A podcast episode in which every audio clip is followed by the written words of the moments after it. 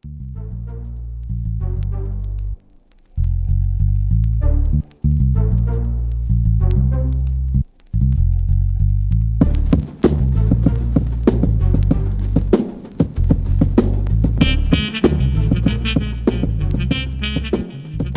och välkommen till podden Bortom bruset. Ivan Karlsson här.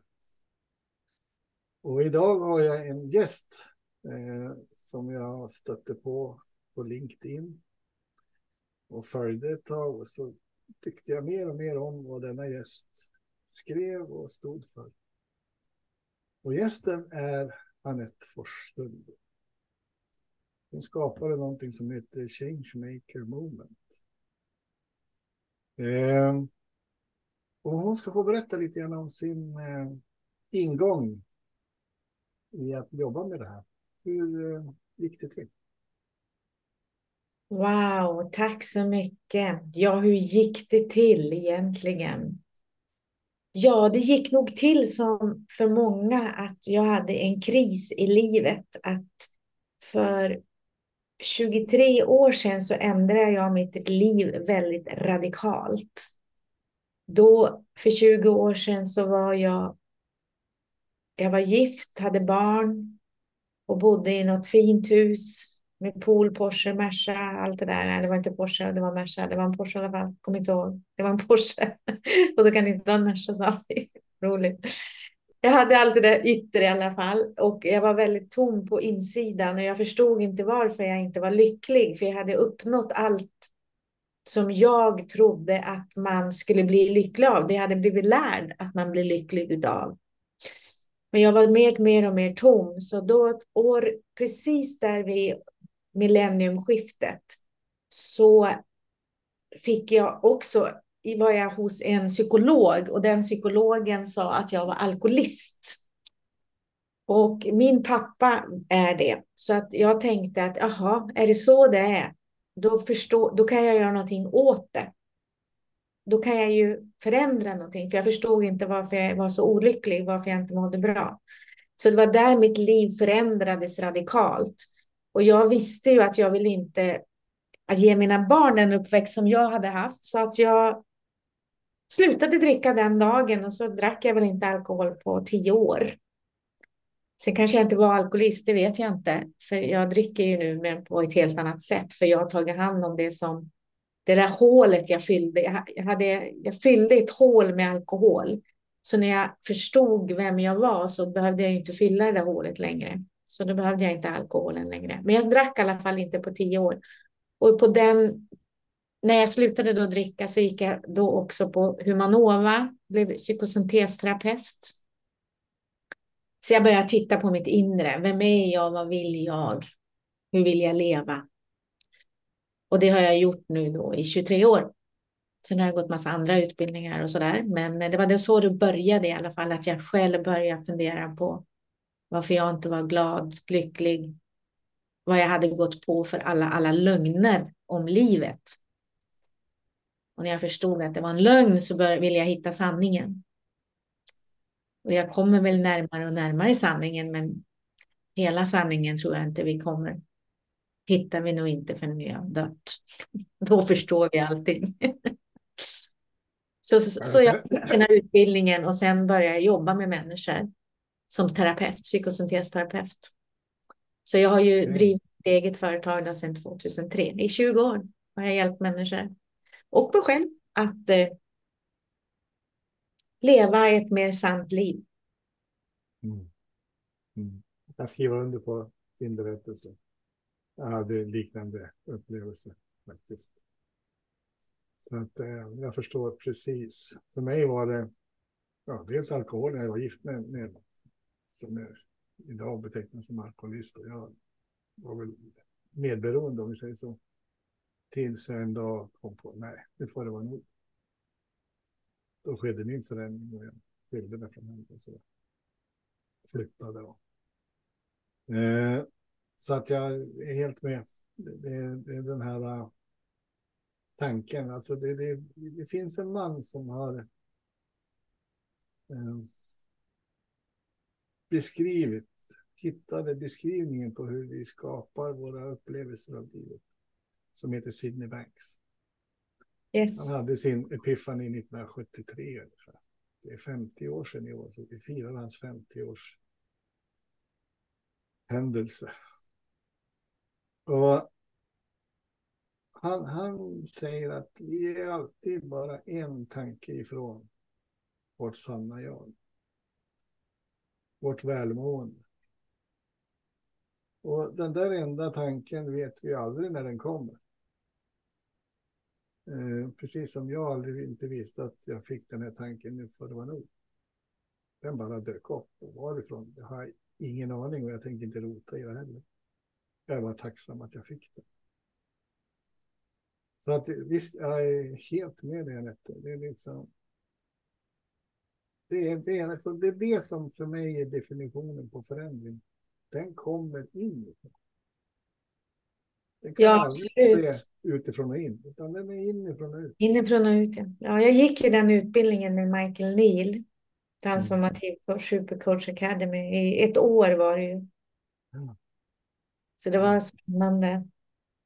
Och jag Också. var på väg att teckna mig för den första gången han gjorde den, då 2010 tror jag. Ja. Men jag hade inte ekonomin till det då. Men jag har ju följt honom sedan 2007. Ja. Alla hans eh, coachingtips översatte jag för mig själv till svenska. Det är en lära det också. Eh, hans radioshower varenda vecka. Eh, så att eh, han är en stor del av att jag sitter här. Så är det. Men framför allt då Sidney Banks böcker. Han har skrivit sex stycken. Eh, och jag läser dem om och om igen. Men där det började upptäckte jag alldeles nyligen i ett av dina inlägg. Det var Don Miguel Ruiz. ja, just det. Fyra, Fyra grundstenar till ett bättre liv. precis. Där började min resa faktiskt 2006.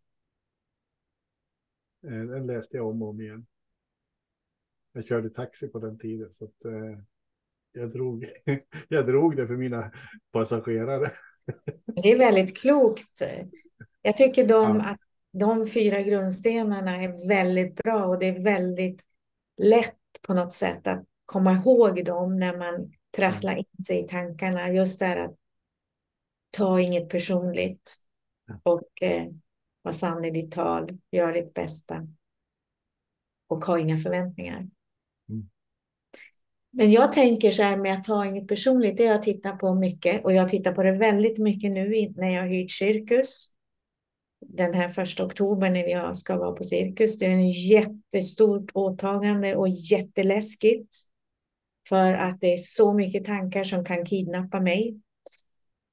Och eh, jag kan se att eh, det här tar inget personligt. Jag kan tänka, men varför kommer inte den? För för mig är det ju en stor dag när vi gör det här tillsammans. Och så tänker jag, men varför kommer nu inte alla människor som faktiskt vill skapa en bättre värld? Jag känner lätt ja, 2000 människor som skulle kunna fylla den här arenan.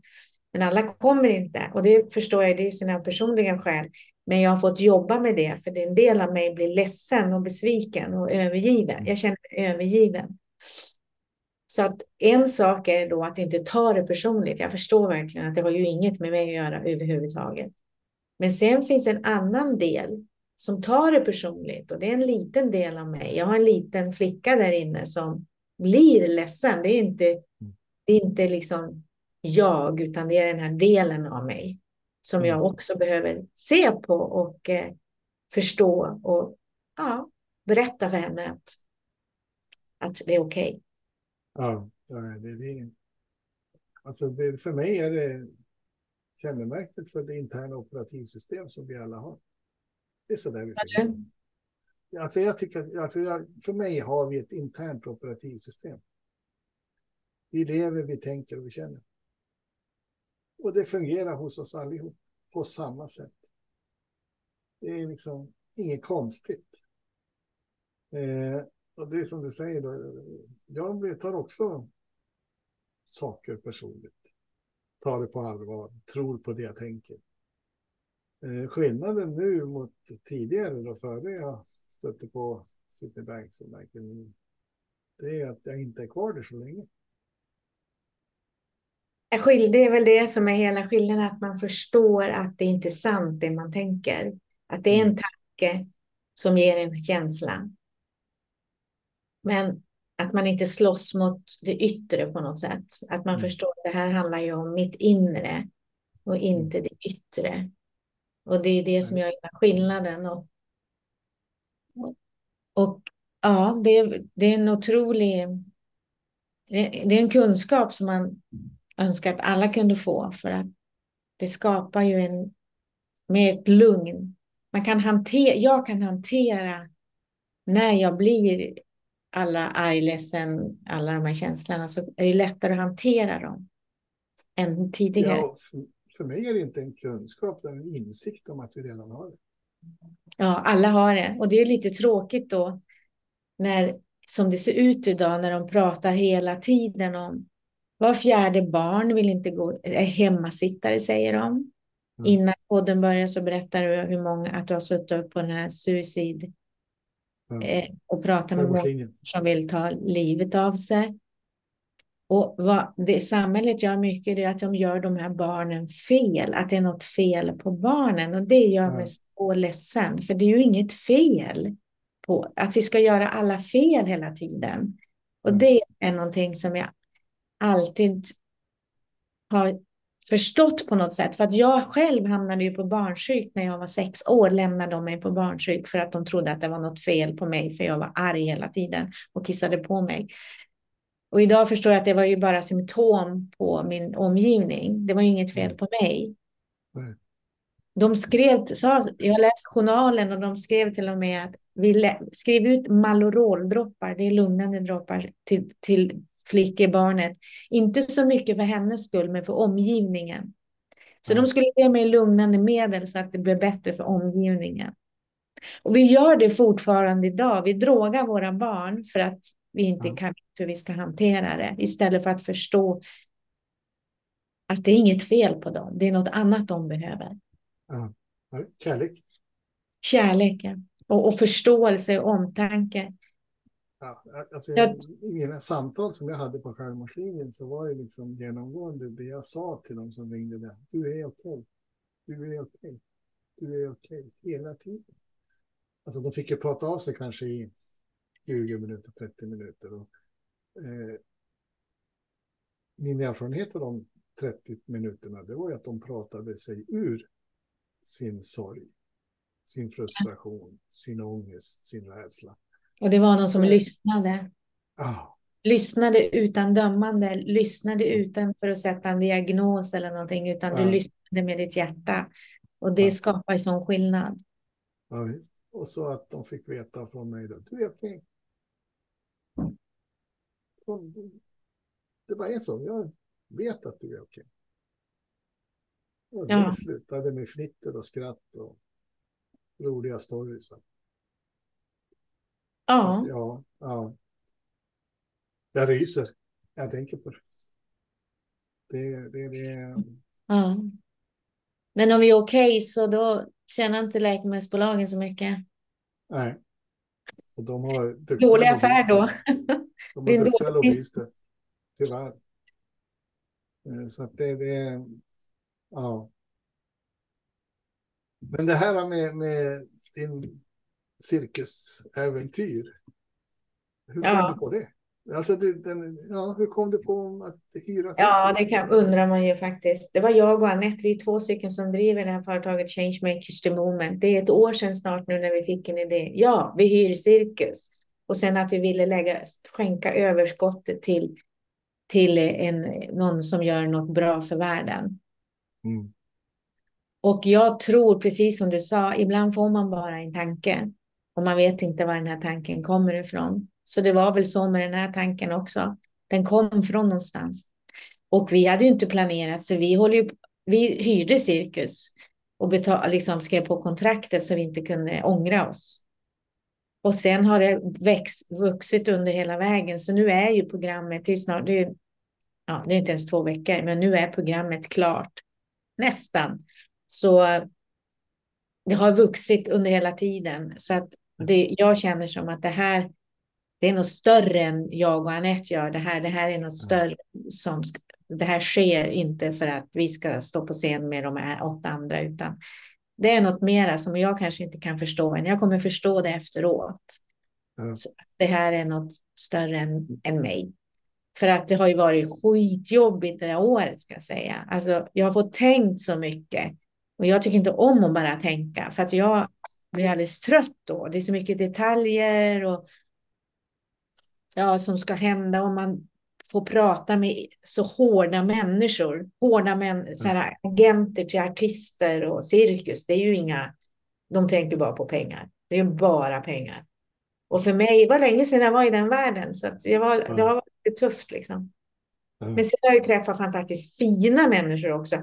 Alla föreläsare som är på scenen gör det. Alla gör det ju för free. För att vi vill bidra till en bättre värld. Och det är fantastiskt. Så jag tror ju på människan. Men jag tror inte på ja, stora organisationer som bara vill ha pengar. De kommer försvinna.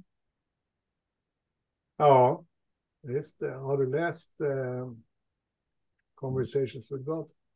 Ja, länge sedan. Neil, Neil Donald Walsh, jag läste den då 2009-10. Där han skriver då att det kommer en dag när, när alla de här företagen blir tvungna att öppna böckerna. För att visa hur de har bedragit omgivningen. Ja. Ja, och det kommer ju, man märker det överallt lite grann och jag lyssnar ju mycket på amerikanska läkare och Youtube-kanaler där de pratar om det här mycket, mycket mer. I Sverige känns det fortfarande som vi bara, ja, men det allt är väl bra. Ja. Ja, visst. Nej, jag, jag respekterar dig högerligen, absolut. Det, det, det är flera sådana. Ja, det behöver vi faktiskt.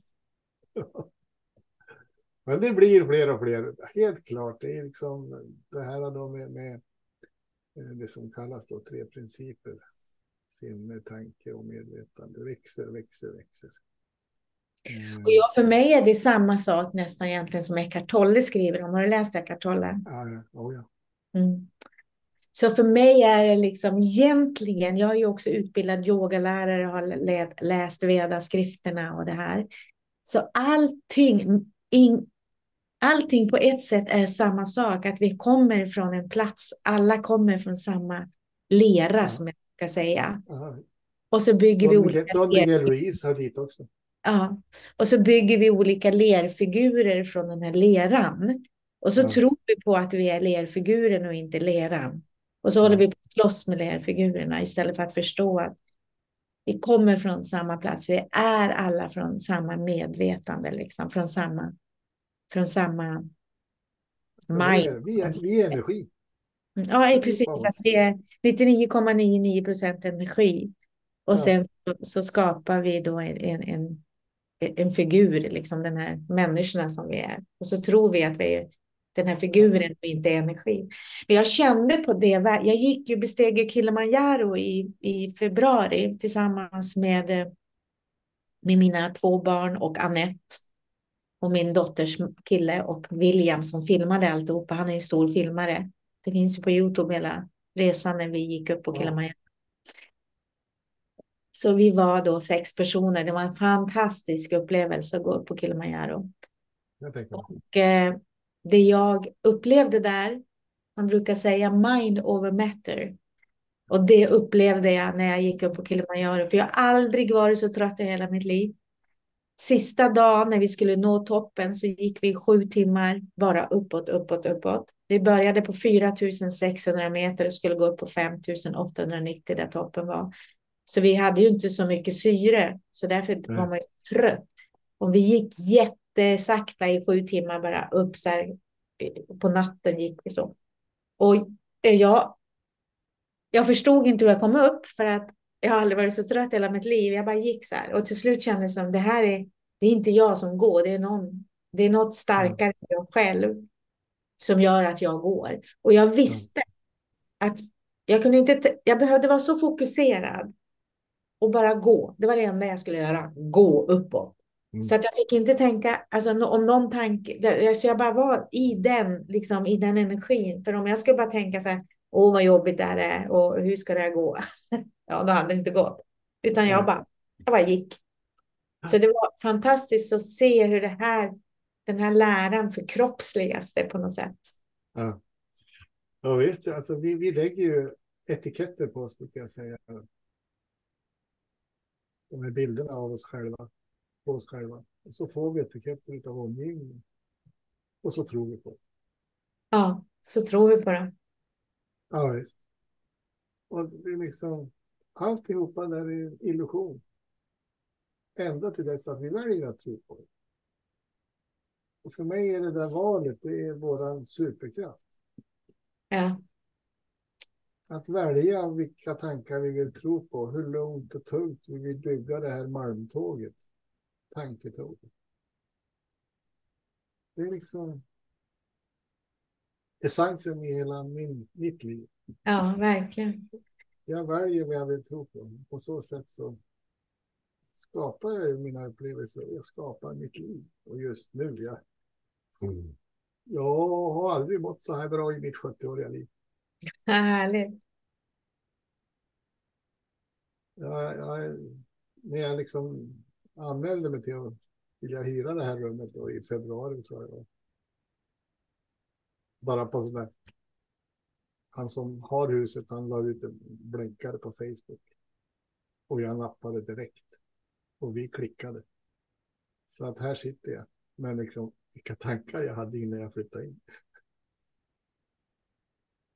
ja, 70 år, flytta in i ett kollektiv. Men det är ju fantastiskt och det är det också som jag brukar säga för att den här tanken som kommer så där, det är ju som en impuls, en, en impuls att du bara här Ja, vill jag vara. Ja. Och vi har bara typ fem sekunder på oss att li- lita på den, för sen kommer det här äh, gamla tankarna. Var det där någon bra idé och hur ska jag bara, da, du vet det där. Så att ja, därför är det så viktigt tycker jag att verkligen gå på sina impulser. Att bara, men det här ska jag göra. Det är någonting som vet vad jag ska göra om jag vågar lyssna och lita på det.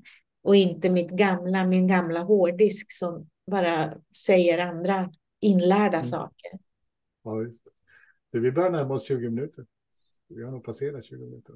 Vi har passerat 20 minuter. Mm. Ja. Så vi ska tänka på hur vi vill avrunda det här. Eh, hur kan man få tag i dig om man skulle vilja joina Changemakers? Eller man vill komma Ja, precis. Det är, man kan ju bara söka på Anette Forslund. Jag finns på LinkedIn. Anette med två N. Anette Forslund lätt. Sök Anette Forslund på Google så dyker jag upp. Changemakers, The Movement heter ju vårt företag och där kan man också bli medlem om man vill hänga med sköna människor Ja. som inte dömer och som stöttar varandra. Ja. Skapa det här movementet att vi inte är något fel på oss som du säger, att alla är vi, Ja. alla är vi helt okej. Ja, visst. Eh, jag ska allvarligt tänka på det där med att åka upp den första oktober så får vi se vad som händer. Det tycker jag du ska göra. För det handlar ju om att lyssna på oss och föreläsarna, men det handlar också väldigt mycket om att connecta med andra människor och komma in i energin och hjälpa till att höja energin med att liksom vara i hjärtat. Att vi höjer energin och höjer vi, är vi liksom 700 personer på cirkus som höjer energin och är i hjärtat, då sprider det sig. Det blir som ringar på vattnet. Det är det som jag vill åstadkomma. 2017 var jag med och fick pris på Cirkus på Aftonbladets Svenska hjältar. Jaha, Eh, Jag var med i en motorcykelklubb som heter DACA, Drivers Against Child Abuse, och vi fick pris som årets medlem. Wow, Så vi var väl ungefär 50 bikers som satt där.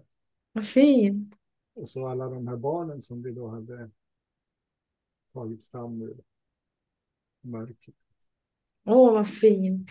Jag satt där och grät i två timmar. Ja, för vå- pengarna för, som vi får in, som blir över, skänker vi till Operation Underground Railroad. Och det är en organisation som räddar barn från trafficking. De är i 40 länder. Så de och jag, läste, jag läste det. Underbart. Underbart. Tack Anette. Tack själv. Jättekul att vara med. Mycket kärlek till dig. Ja, kärlek till dig. Hoppas vi ses på cirkus. Tack ska du ha.